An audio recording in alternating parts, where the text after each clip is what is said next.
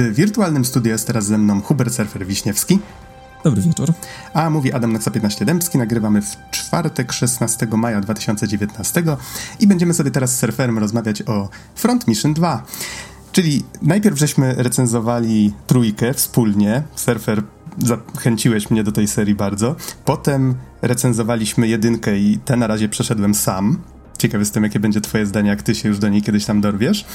Ale teraz właściwie będziemy mówić o grze, czyli w sensie pierwszym sequelu w serii, który wydaje mi się takim czarnym koniem wręcz, bo powiem ci, że to jest naprawdę gra, która pod pewnymi względami bardzo, bardzo mi się podoba.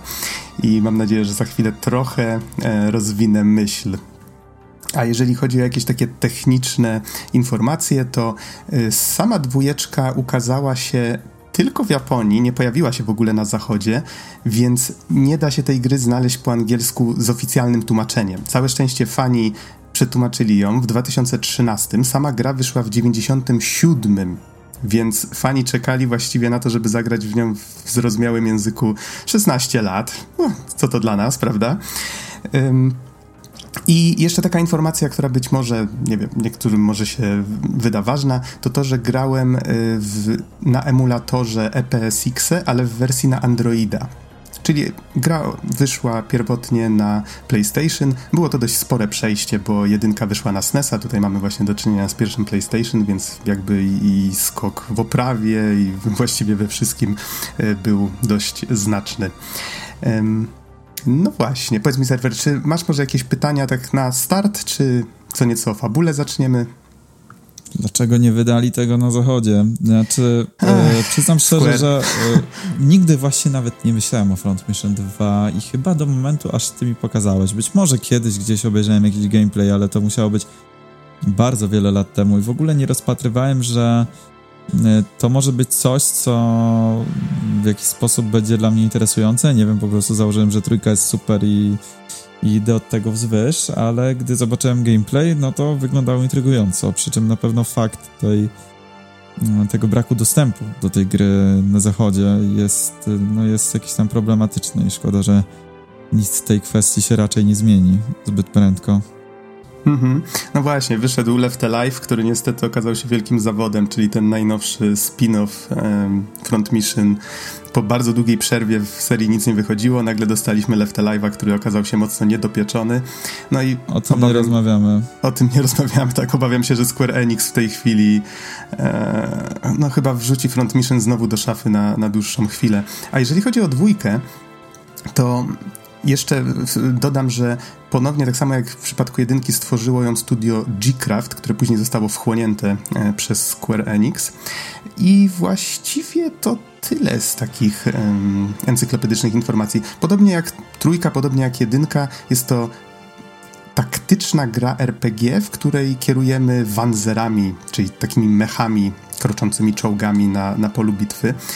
Jakby ktoś był ciekaw, to Wanzer to pochodzi od zlepka niemieckich słów Wanderpanzer, czyli od walking i armor sklejone razem, coś w rodzaju chodzącej zbroi, chodzącego pancerza.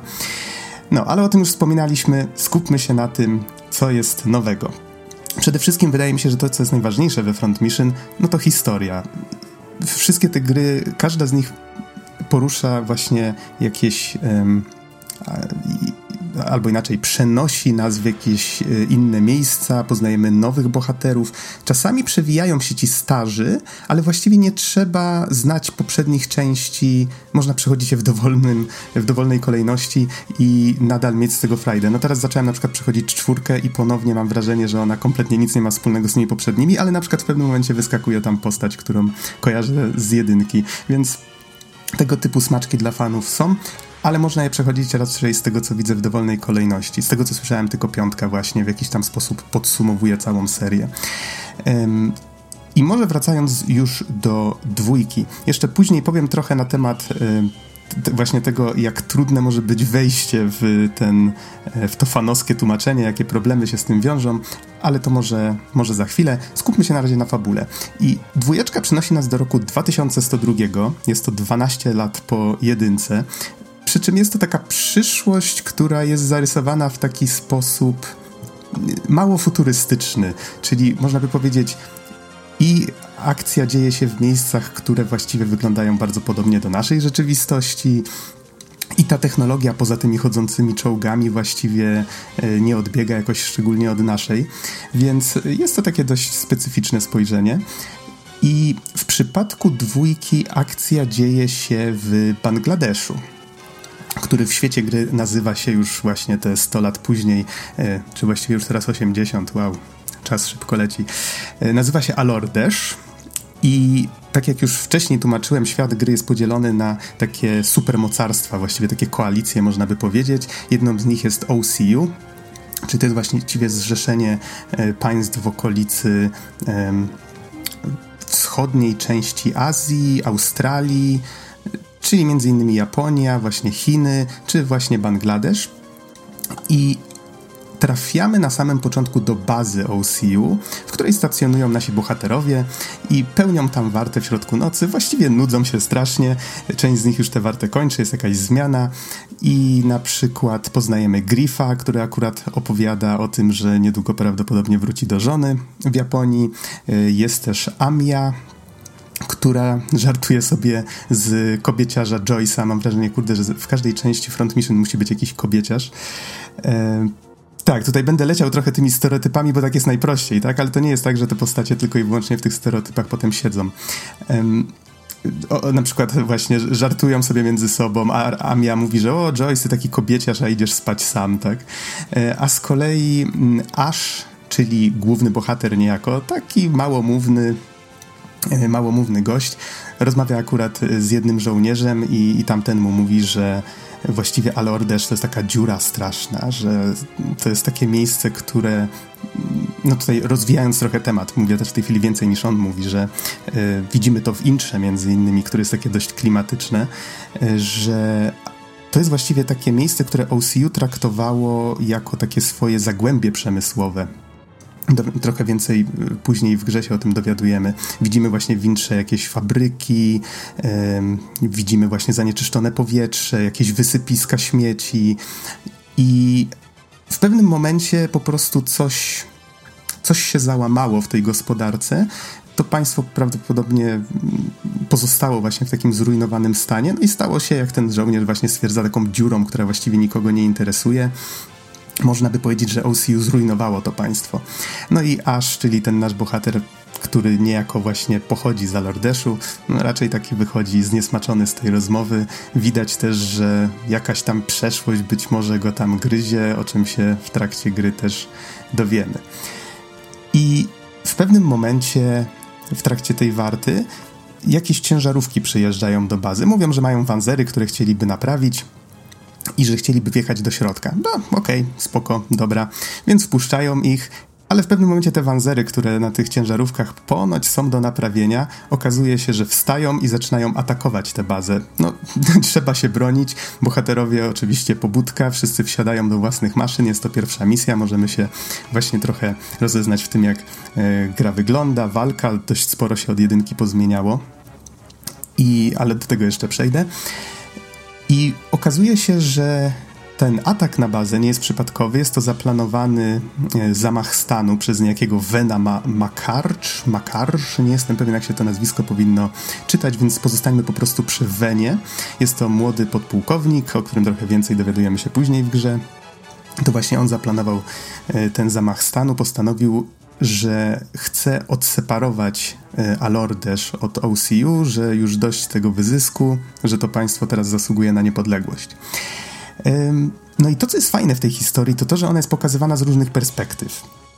Czyli mamy właśnie tych bohaterów, którzy w pewnym momencie uciekają z tej bazy i właśnie ta trójka przyjaciół, czyli Ash, Joyce i Amia, oni próbują się wydostać z tego państwa, więc to, to jest pierwsza taka bardzo fajna rzecz, że te postacie nie myślą sobie, o, musimy uratować ten kraj, albo inne tego typu rzeczy, tylko pierwsza, najbardziej logiczna decyzja, jaką można w takim momencie podjąć, to ok, baza jest y, roztrzaskana, wszędzie wszyscy do wszystkich strzelają, chyba trzeba stąd spadać.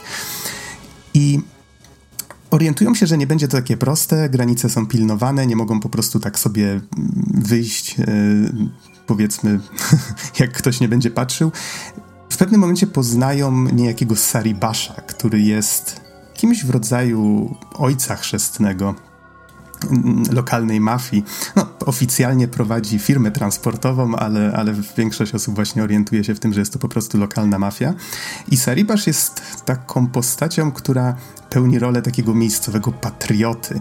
No, trochę historię wspólną z Venem ma, oczywiście, ale ym, jakby. No, może nie będę tutaj aż tak dużo wchodził w szczegóły. W każdym razie jedna część fabuły kręci się właśnie wokół tych wydarzeń, bohaterów, którzy właśnie razem z tym Saribaszem starają się tam właśnie jakoś dogadać, żeby on pomógł im uciec z tego kraju, a z kolei druga część fabuły y, to niedługo potem dowiadujemy się o tym, że tę bazę, która została zaatakowana, obserwują dwie inne postacie. Jest to Liza i Sayuri, które są wysłanniczkami służby wywiadowczych i one starają się odzyskać coś. Nie wiemy dokładnie, co to jest. Jest to tylko jakaś tajemnicza skrzynia, o którą od czasu do czasu wypytują niektóre postacie. I właśnie następuje taka faj, taki fajny dynamizm. Mamy taką fajną historię sensacyjną, że właśnie ta akcja skacze raz tutaj, raz tam. Wszystko w obrębie właśnie Alordeszu, właśnie w poszukiwaniu tej tajemniczej skrzyni, no i też właśnie w, trakcie próby ucieczki z kraju, która jak się łatwo domyślić w pewnym momencie zacznie się też trochę e, nie pomyśli bohaterów toczyć. I myślę, że tyle wystarczy na temat fabuły, przynajmniej tak na początek. Um... Oj, zdecydowanie. Rozgadałeś się tak, że... Starałem no, się to, to jakoś zakreślić kolorystycznie. Nie, no ja rozumiem, ale poleciałeś tak głęboko w lore i w postacie. Ale no, dobrze. Może trochę, e, może trochę. Dobrze, a troszeczkę więcej w takim razie o innych aspektach, o czym byś jeszcze chciał powiedzieć, bo no, o fabule bardzo dużo opowiedziałeś. E, zakładam, że fabuła ci się podoba, tak? Z tego, co rozmawialiśmy, e, mówiłeś, że w pewien sposób chyba cię ta część zaskoczyła tym, jak jak jest dobra pod tym względem. Tak to zrozumiałem przynajmniej. Mm-hmm. Tak, znaczy powiem ci tak, jeżeli miałbym ułożyć w kolejności, które mi się najbardziej podobały, to chyba nawet dwójka podobała mi się bardziej od trójki. Znaczy, nie zrozum mnie źle, trójka miała bardzo fajną fabułę. Trójka była taką przygodą na polu bitwy, tak bym to określił. To była taka bardziej... Mm, troszeczkę komiksowa historia, można by powiedzieć, tak delikatnie, tak jakby wyrwana z anime. Z kolei wydaje mi się, że tutaj znaleziono taki fajny balans, to znaczy w jedynce na przykład wszystko było, wszystkie postacie były takie sztywne. To też było takie trochę nienaturalne. Z kolei mam wrażenie, że tutaj jakoś tak udało im się właśnie i, i zmieścić trochę humoru, i zmieścić trochę właśnie tej akcji. I te postacie, one są takie e, dość fajne, wiarygodne. I przede wszystkim jest coś, za co czy anime, czy gry japońskie u mnie punktują, to to, że nie skupiają się na młodocianych postaciach. Tutaj właściwie jest tylko ta Sayuri, która jest najmłodszą, e, najmłodszą postacią w ekipie, tam chyba 22 czy, czy coś koło tego wiek, ale wygląda na zdecydowanie młodziej. E, być może właśnie po to, żeby do japońskiej młodzieży trafić. Niemniej cała reszta postaci sprawia wrażenie właśnie postaci dość... E, no już takich w średnim wieku, można by powiedzieć, w przypadku niektórych. No co prawda ta, ta główna trójka postaci, tam powiedzmy, że może do 30 dochodzą, ale są tu postacie, które chyba 40, może nawet 50, tak? Na przykład ten Saribasz, nie pamiętam dokładnie, ale, ale widać to i po i portretach, które się pojawiają właśnie w trakcie tych scenek e, w stylu visual novel między misjami czy, czy właśnie w tym, jak się zachowują. Zresztą można też fajnych szczególików sobie tam doczytać, gdzie nie, gdzie mm, w grze, bo pojawia się sieć. O, pamiętasz, jak rozmawialiśmy na temat sieci e, w Trójce? W tym, że twórcy odwzorowali strony internetowe i inne tego typu rzeczy. I to się wzięło właśnie z dwójki, tylko że tutaj nie jest tak graficzne. To znaczy, wszystko jest przedstawione za pomocą tekstu. Jakoś tak szczególnie nie miałem ochoty się w to wdrażać, ale wiem, że to istnieje i można sobie na przykład na, na stronach, yy, czy tam OCU, czy wywiadu, czy innych tam yy, poczytać sobie po prostu trochę o tych yy, postaciach. No i można się na przykład dowiedzieć o, o jednej postaci. pojawia się taki weteran Thomas, który z jeszcze innej zaatakowanej bazy uciekł, że Później się okazuje, że on właśnie ma trochę z tą mafią też tam jakieś konszachty, że zna się z Saribaszem i że ma za uszami jakieś tam liczne oskarżenia o defraudację dóbr należących do wojska, tego typu rzeczy, o których w sumie się w grze dużo nie mówi, a są takie właśnie opisane trochę gdzieś tam wewnątrz. Więc są to takie fajne szczegóły. No, a historia ogólnie rzecz biorąc bardzo mi się podobała. Ba, fajny finał, jest dość, znaczy dość, jest bardzo spójna przez to, że ma jedno miejsce akcji, skupia się właśnie trochę na tych, y, trochę bardziej na takich lokalnych problemach niż trójka, w której akcja skacze bez przerwy właśnie w jakieś inne miejsce, no to tu, tu jest to takie spójniejsze i, i też bardzo fajne. Hmm. A jak długa jest gra? Ile godzin? Rozumiem, że tam jest jeden scenariusz, nie jest tak jak w trójce, że były dwa, tak? Tak, jest jeden scenariusz, nie trzeba gry przechodzić dwa razy. Przy tym w trójce to i tak fajnie zrobili, bo to były właściwie dwie różne gry w pewnym sensie.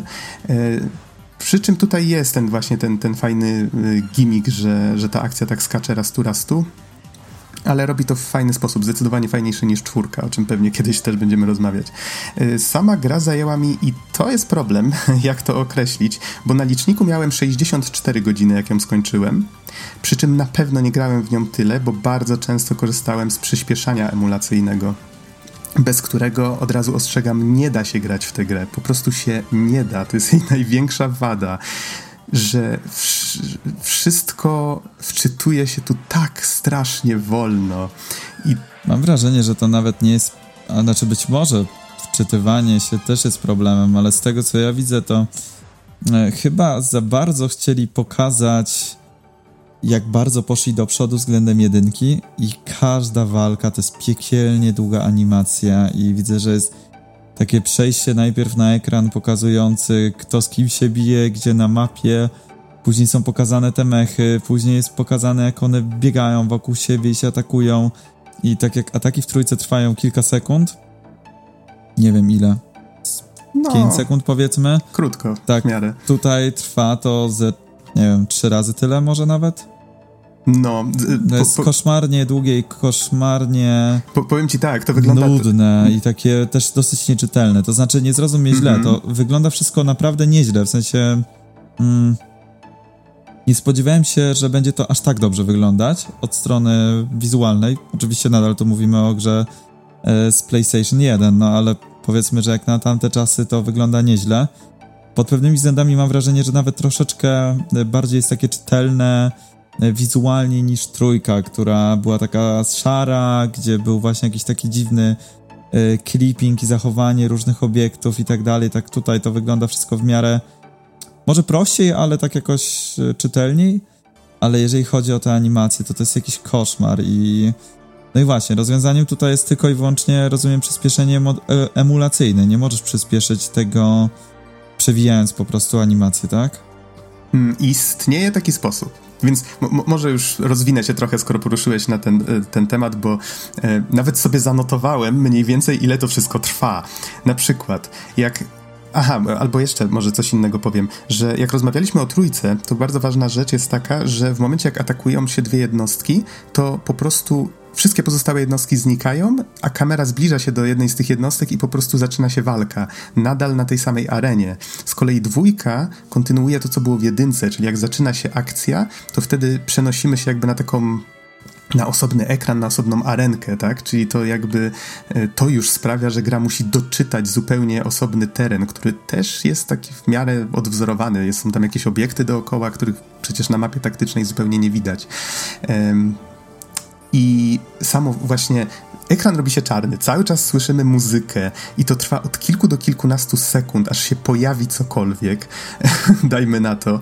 I zdarzało się, tak patrzyłem z ciekawości, ile to potrafi trwać. Jak jest dużo jednostek przeciwnika na mapie, to do kilku minut potrafi trwać tura przeciwnika.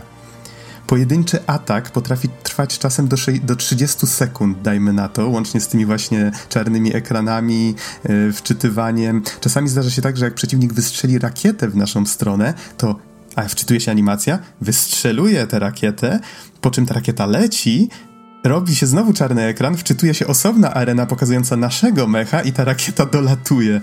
Um, więc tak, tak, to tak jak wspomniałeś, potrafi być upierdliwe. Do tego jeszcze AI dość długo potrafi się zastanawiać nad tym, jak się właściwie ruszyć. Z tego, co się doczytałem w sieci, to problem polega też na tym, że na płycie z grom po prostu dane są ułożone w taki sposób, że gra musi strasznie mielić po tej płycie, żeby dotrzeć do tego, co ją akurat interesuje, więc no po prostu jest to kwestia optymalizacyjna. No, i... leci tutaj jakiś gameplay w tle i widzę, że tak średnio jedna tura trwa, jeden atak trwa około 35 sekund.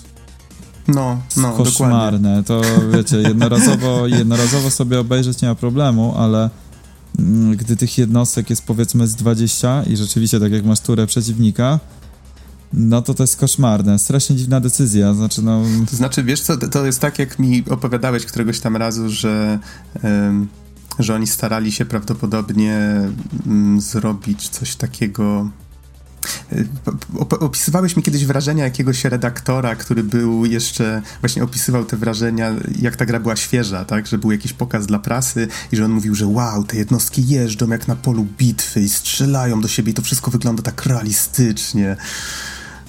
Więc... Tak, więc to śmierdzi taką typową pokazową, na zasadzie, o patrzcie jak to zajebiście wygląda, nie? No bo mówię, to naprawdę dobrze wygląda, jak na standardy PSX-owe jeszcze, no, to są na pewno wczesne lata PlayStation. E, przypomnij mi, który to jest rok? 97, e, tak. 97, mhm. no więc właśnie, no to to jest właściwie taki początek praktycznie ery PSX-a. No i wygląda to naprawdę nieźle jak na tamte czasy. To odpowiadając jeszcze na dwa twoje pytania, mianowicie, czy da się to wyłączyć? Tak, wyszła e, edycja, e, która była zmodyfikowana. Zaraz zobaczę, muszę sobie przypomnieć, jak ona się nazywała. To była edycja, która się nazywa Ultimate Hits. I właśnie była to też e, część edycji Front Mission History. Tutaj nie wczytywałem się zbyt dokładnie, właśnie ile było tych edycji, jak to działało, ale powiedzmy po prostu, że gra w pewnym momencie wyszła ponownie i że właśnie y, patch ten fanowski, on też może albo musi być zaaplikowany właśnie na tę na tę edycję rozszerzoną. W niej ponoć troszeczkę usprawniono właśnie pewne rzeczy, naprawiono pewne bugi, trochę chyba inaczej też te rzeczy na płycie ułożono, ale nie jestem pewien, możliwe, że gdzieś trafiłem na taką informację, ale to co najważniejsze, dodali możliwość wyłączenia tych animacji w ogóle. Przy czym wydaje mi się, że one mimo wszystko nadają takiego fajnego smaczku, że samo patrzenie się tylko i wyłącznie na tę mapę taktyczną jest dość nudne, więc yy, no jednak emulacja tutaj ratuje tę grę akcja potrafi się toczyć, jak sobie przyspieszymy, powiedzmy 3, nawet do 7 razy szybciej. Jeżeli wyłączymy właśnie limiter y, prędkości, to tyle, ile nam fabryka dała w komputerze, tyle emulator nam wykorzysta, tak? Y, w komputerze albo w komórce. No w moim przypadku wydaje mi się, że to średnio szło trzy razy szybciej, czasami chyba nawet właśnie do pięciu czy coś koło tego, więc to 64 godziny, które miałem na liczniku na koniec, równie dobrze mogło się zamienić w 20 do 40. No nie mam pojęcia tak naprawdę. Przechodziłem tę grę kilka ładnych miesięcy, e, skończyłem ją chyba miesiąc temu, więc no, Natomiast powiedziałeś jeszcze coś, że wydaje ci się czytelniejsza. Tu akurat nie jestem pewien, czy to jest związane z tym, że grałem na małym ekranie, czy nie, ale mnie na przykład dwójka wydawała się znacznie mniej czytelna niż trójka. W trójce mam wrażenie, że kamerę ustawiono znacznie bliżej, przez to trochę mniej widzimy lokacji, mniej tej mapy taktycznej. ale przy okazji widzimy właśnie i wanzery trochę wyraźniej i chyba te paski energii trochę wyraźniej. I Inaczej, nie, nie no, no. powiedziałbym, że UI i sama grafika nawet na mapie jest czytelna. Mam wrażenie po prostu, że może inaczej. E, grafika podczas walki Wanzerów jest troszeczkę prostsza i taka bardziej może przyjemna dla oka, może chodzi tutaj bardziej o kwestię jakichś kolorów, które są bardziej nasycone niż w tej ultra szarej trójce, no nie wiem, generalnie e, zdecydowanie czytelne to było złe słowo. Chodzi mi bardziej o to, że e, nie wiem, prostota pewnych tekstur na przykład e, powoduje, że mam wrażenie, że te modele i tak dalej wydają się prostsze, ale zarazem takie bardziej, nie wiem, spójne graficznie, że trójka wydawała się miejscami taka zgliczowana graficznie w dziwny sposób i tak dalej. E, przy czym oczywiście, jeżeli chodzi o sam, e, sam interfejs czy samą mapę, no to jest zdecydowanie gorzej niż w trójce, to na pewno. Hmm, to musiałbym zobaczyć na materiały, na które patrzysz, no ale niemniej obie gry powstały na tę samą platformę, tak? Więc są raczej podobne, przy czym wydaje mi się, że właśnie trójka po prostu jakieś takie drobne decyzje zostały podjęte, że to wszystko jest takie troszeczkę chyba bardziej doszlifowane. Niemniej, co tu warto jeszcze powiedzieć? No, oczywiście jedynka była w 2D, tak? Tutaj mamy do czynienia z grafiką trójwymiarową. Może wracając do e, do innych kwestii i przede wszystkim troszeczkę więcej o, o mechanice, żeby jeszcze powiedzieć. Um, Albo może jeszcze, tak sobie myślę, skoro już poruszamy ten temat właśnie patchy różnych wersji gry, to może powiedzmy to, co chciałem na początku wspomnieć, ale stwierdziłem, że może jednak troszeczkę później, czyli ten próg wejścia z tym patchem, o co właściwie chodzi, tak? No mamy do czynienia z grą japońską, spaczowanie ROMu to nie jest jakiś wielki problem, ale chodzi o to, że ten patch, on nie jest zbyt kompletny. to znaczy, nie zrozumcie mnie źle, gra jest przetłumaczona, ale część z rzeczy w grze i nie jestem tutaj pewien dlaczego, jakieś kwestie techniczne prawdopodobnie, nie mogły zostać przez y, twórców tego patcha spaczowane w grze, więc dorzucili je w osobnym dokumencie do patcha. I wygląda to tak, że jeżeli jakiś dialog toczy się w trakcie misji, to ok, czytamy go sobie normalnie po angielsku, ale między misjami albo w tak zwanych specjalnych scenkach musimy już niestety przełączyć się na dokument albo mieć go na drugim ekranie, tak? No ja sobie akurat tam znalazłem jakąś taką bardzo szybką apkę do odpalania plików tekstowych, żeby mi nie zamulała komórki i po prostu robiłem sobie tam przełączanie, kasowałem kwestie, które już przeczytałem i muszę przyznać, że początkowo brzmi to jak straszna upierdliwość, ale przyzwyczaiłem się do tego i nawet traktowałem to trochę jak czytanie takiej książki w tramwaju, tak? E, idealnie ta gra się do tego nadaje, wbrew pozorom. No i właśnie to jest największy mankament związany z tym tłumaczeniem. Straszna szkoda, no ale jeszcze z takich innych rzeczy, które być może niektórym wydadzą się ważne, czyli na przykład to, że intro i outro nie miały dźwięku, przynajmniej w wersji, w której grałem i nie jestem pewien właśnie, czy to kwestia emulacji, być może tak. Ale powiedzmy, że to nie jest duży problem. I taka ciekawostka, twórcy w wielu miejscach sami stosowali angielski. Oczywiście robili to takim łamanym angielskim. Wyszedł z tego taki Japanglish, yy, który bardzo ciężko się czyta i twórcy patcha nie starali się tego naprawić.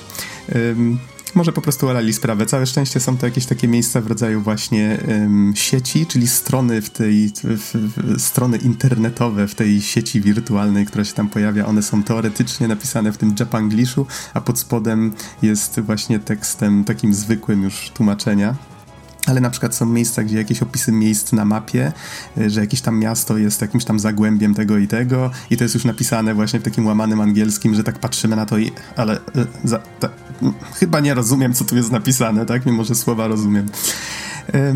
No i taki protip jeden, jeżeli macie imiona postaci na przykład do wybrania, to wtedy na początku zawsze one są napisane po japońsku, Potem, jak zatwierdzicie to imię, to pojawia się angielska ksywka, która zawsze jest tym samym co imię, tylko po prostu zapisanym po angielsku. Więc zapisywałem sobie grę, patrzyłem jaka jest ksywka, yy, wpisywałem ją w yy, miejsce tego japońskiego imienia i, i, wszystko działało już jak trzeba. No, tak jak mówię, takie głupawe mankamenty, które tym bardziej sprawiają, że kurde Square, czemu nie wydaliście jakiejś normalnej wersji tej gry, tak? Dlaczego trzeba się tak męczyć, żeby w nią zagrać?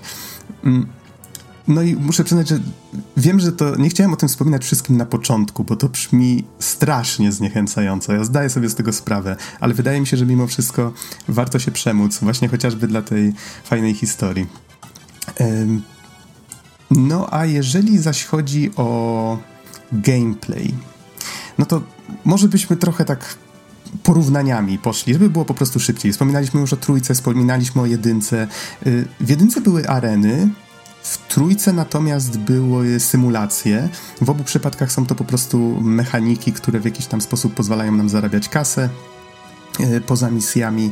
I w dwójce wracają areny. Są bardziej rozbudowane niż w jedynce, są tam jakieś leaderboardy nawet, e, powiedzmy, naszych, naszych postaci, kto tam najwięcej zarobił na tej arenie, ilu pokonał, są walki grupowe nawet e, dodane przyznam szczerze, nie bawiłem się w to. Stwierdziłem, że nie jest to dla mnie jakoś szczególnie ważne. Fajnie, że fabuła od czasu do czasu popchnęła te postacie do tych aren, czyli na przykład, hej, musimy znaleźć jakiegoś tam znanego najemnika, ym, który walczy na arenach. No, Okej, okay, dobra, ale żeby to zrobić, musimy wygrać tam ileś walk. No, no dobra, no te, te, takie powiedzmy krótkie, fajne wstawki, które trochę urozmaicały y, historię też. Poza tym skala mapy.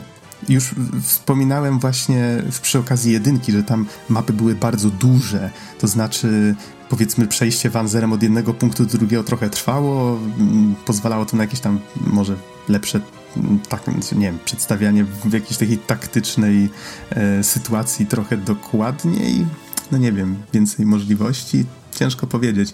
W trójce wszystko jest bardziej skumulowane, czyli te mapki są zdecydowanie mniejsze, wszystko się dzieje na zdecydowanie mniejszym terenie, ale dzięki temu też te misje trwają dużo krócej. Natomiast w dwójce nadal mam wrażenie, że te mapy są dość spore, przy czym przy czym warto jeszcze dodać, że ilość bohaterów w trójce można było mieć tylko czterech, jeżeli dobrze pamiętam, na mapie. Z kolei tutaj, no, podobnie jak, e, podobnie jak w jedynce może ich być kilkunastu, chyba do dwunastu w tym przypadku.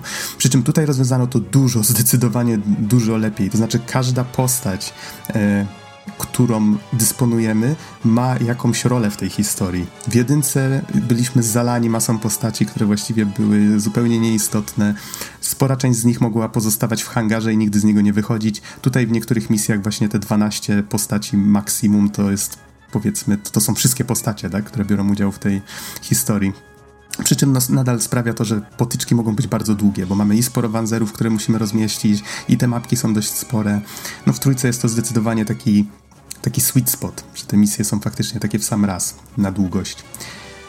Mm, no i jeżeli chodzi o system walki, to w dwójce chyba najważniejszą zmianą jest to, że dodano punkty akcji.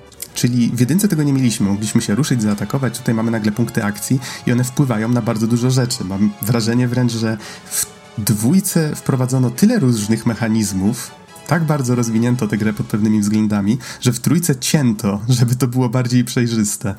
I na przykład e, jest tu taka mechanika, że położenie jednostek względem siebie wpływa na to, e, ile będą miały punktów akcji w następnej turze. Czyli na, jeżeli na przykład stoją dwa nasze wanzery tuż obok siebie, no to każdy z nich tam będzie miał, już nie pamiętam dokładnych wartości, powiedzmy dwa punkty akcji więcej w następnej turze.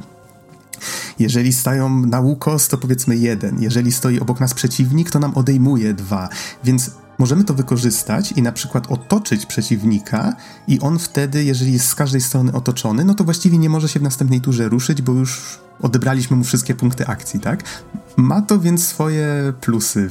Całkiem ciekawy pomysł, chociaż muszę przyznać, że początkowo wydawał mi się bardzo dziwny i przekombinowany. E, do tego teren zapewnia procentową osłonę. Nie jestem pewien właściwie, czy w trójce było coś takiego. Czyli pamiętasz może surfer, czy były jakieś takie że ulica osłania cię mniej niż mm. las, albo...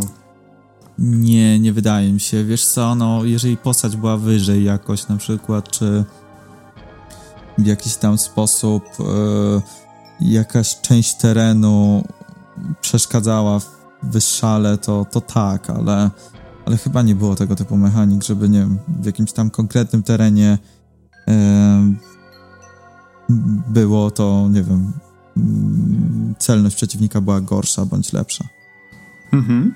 No to tutaj tutaj tak jest i faktycznie jak się rusza kursorem, to widać wyraźnie właśnie taki procentowy znacznik i e, w zależności od tego, czy teren jest pochyły, czy właśnie są, czy jest w pobliżu jakichś przeszkód, ścian, czy tam kontenerów, drzew, właśnie tego typu rzeczy. E, to też jest dość ciekawe, ale muszę przyznać, że jest to coś, na co tak szybko przestałem zwracać uwagę, zupełnie w pewnym momencie już nie patrzyłem na to.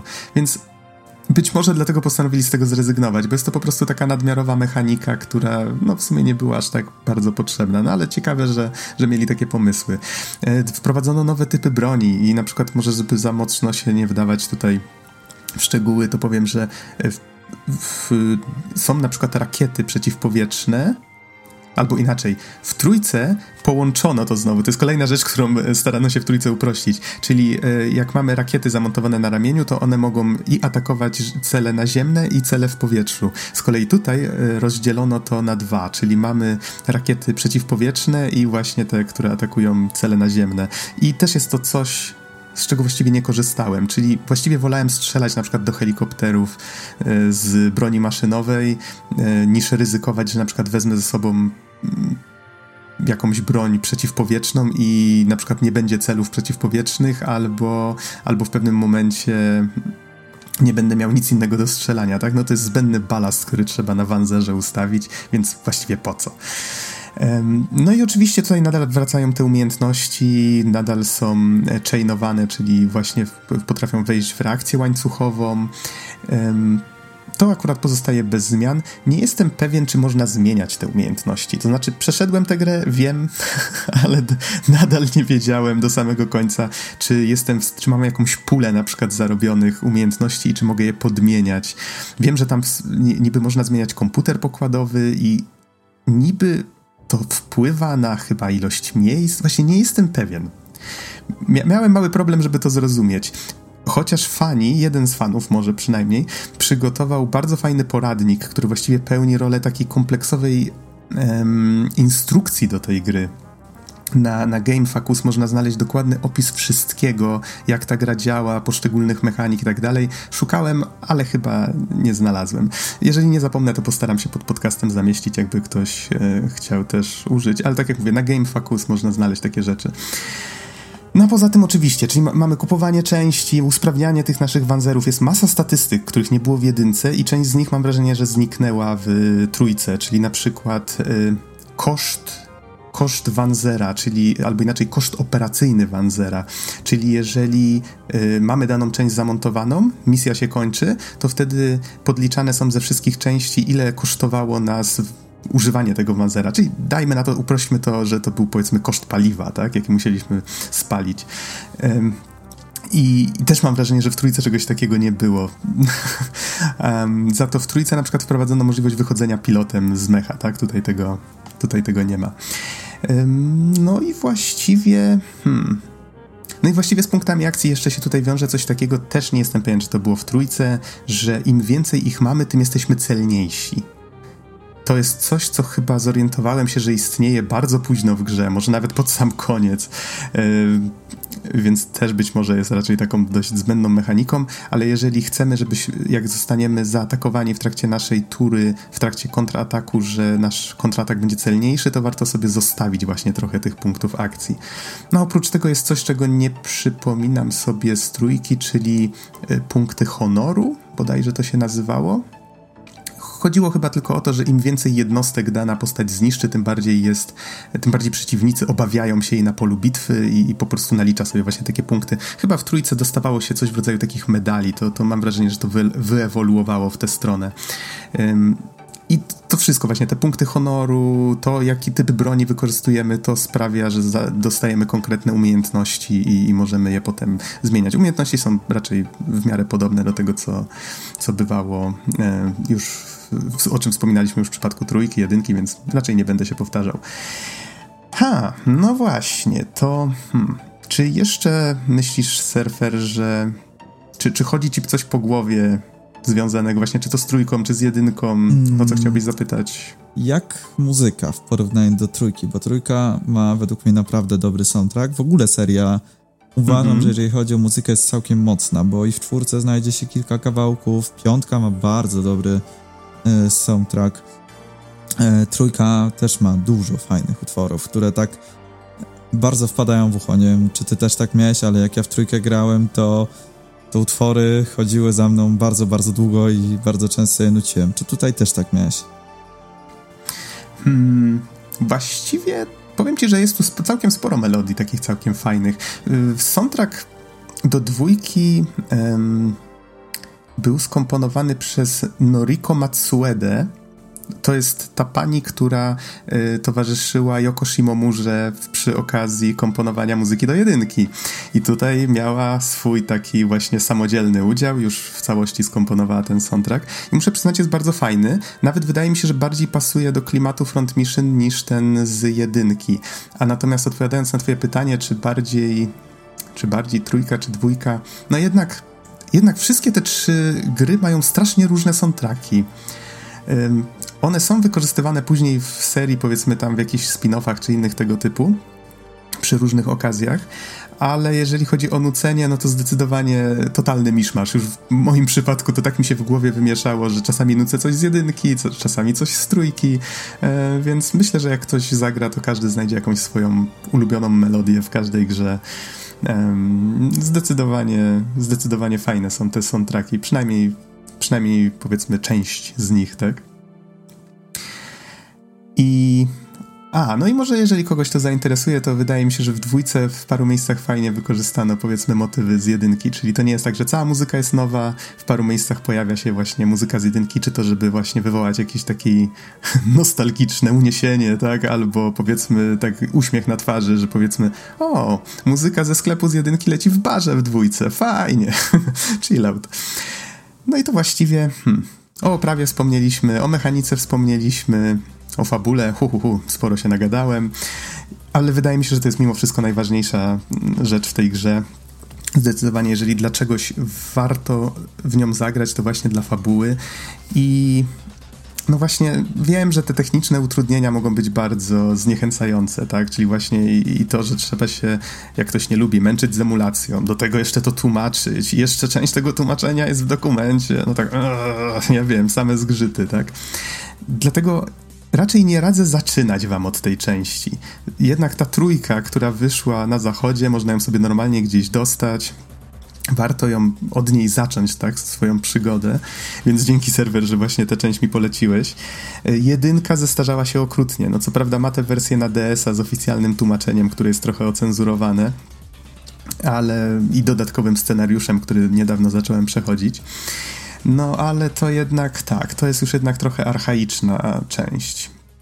Natomiast dwójka, no to już trzeba mieć trochę samozaparcia, już lubić tę serię, żeby faktycznie się trochę w to yy, zagłębić. No i właściwie w jaki sposób mogę to zakończyć? No wydaje mi się, że Square to jest zbrodnia, że ta gra nie wyszła na zachodzie i mam cichą nadzieję, że kiedyś, może kiedyś, może za 20 lat, może za 10, nie wiem, powstanie jakiś remake, cokolwiek, albo chociaż właśnie ta oficjalna bardzo wersja angielska. Fajnie, bardzo fajnie by było, gdyby powstała jakaś wersja, która no, troszeczkę poprawia te archaiczne rzeczy, właśnie tak jak te animacje, tak jak e, te, te nieczytelne okienka miejscami, czy to, że jest taki miszmasz w ogóle czcionkowo-wizualny. No takie czasy to były też, że no nie było wszystko tak pięknie dopieszczone y, w wielu grach. I to razi strasznie, że tutaj no tak trąci taką amatorszczyzną albo pierwszymi próbami, w, właśnie no tak jak to jest pierwsza gra z serii w 3D i tak dalej. I, i, I, że to troszeczkę widać, że tego doświadczenia wtedy nie było. Y, I że w trójce oni dużo tych elementów bardzo mocno doszlifowali i i znaleźli jakiś balans właśnie też jeżeli chodzi o te mechaniki i tak dalej. No przyznam szczerze, że tak. Na pewno skoro mówisz, że fabuła jest lepsza niż w trójce, to jest to, jest to duży argument za. Przy czym sam fakt, ile się trzeba bawić dodatkowo naokoło, no trzeba trzeba będzie na pewno poświęcić dużo czasu i energii na to, żeby, żeby usiąść do tej gry. No ale kto wie, może kiedyś, yy, kiedyś powiem co nieco, co o tym sądzę. E, jak już się dorwę do tej gry, albo ty mi pokażesz dwójkę i zachęcisz, tak jak ja cię, ciebie kiedyś zachęciłem trójką. A myślę, że warto się przemóc mimo wszystko.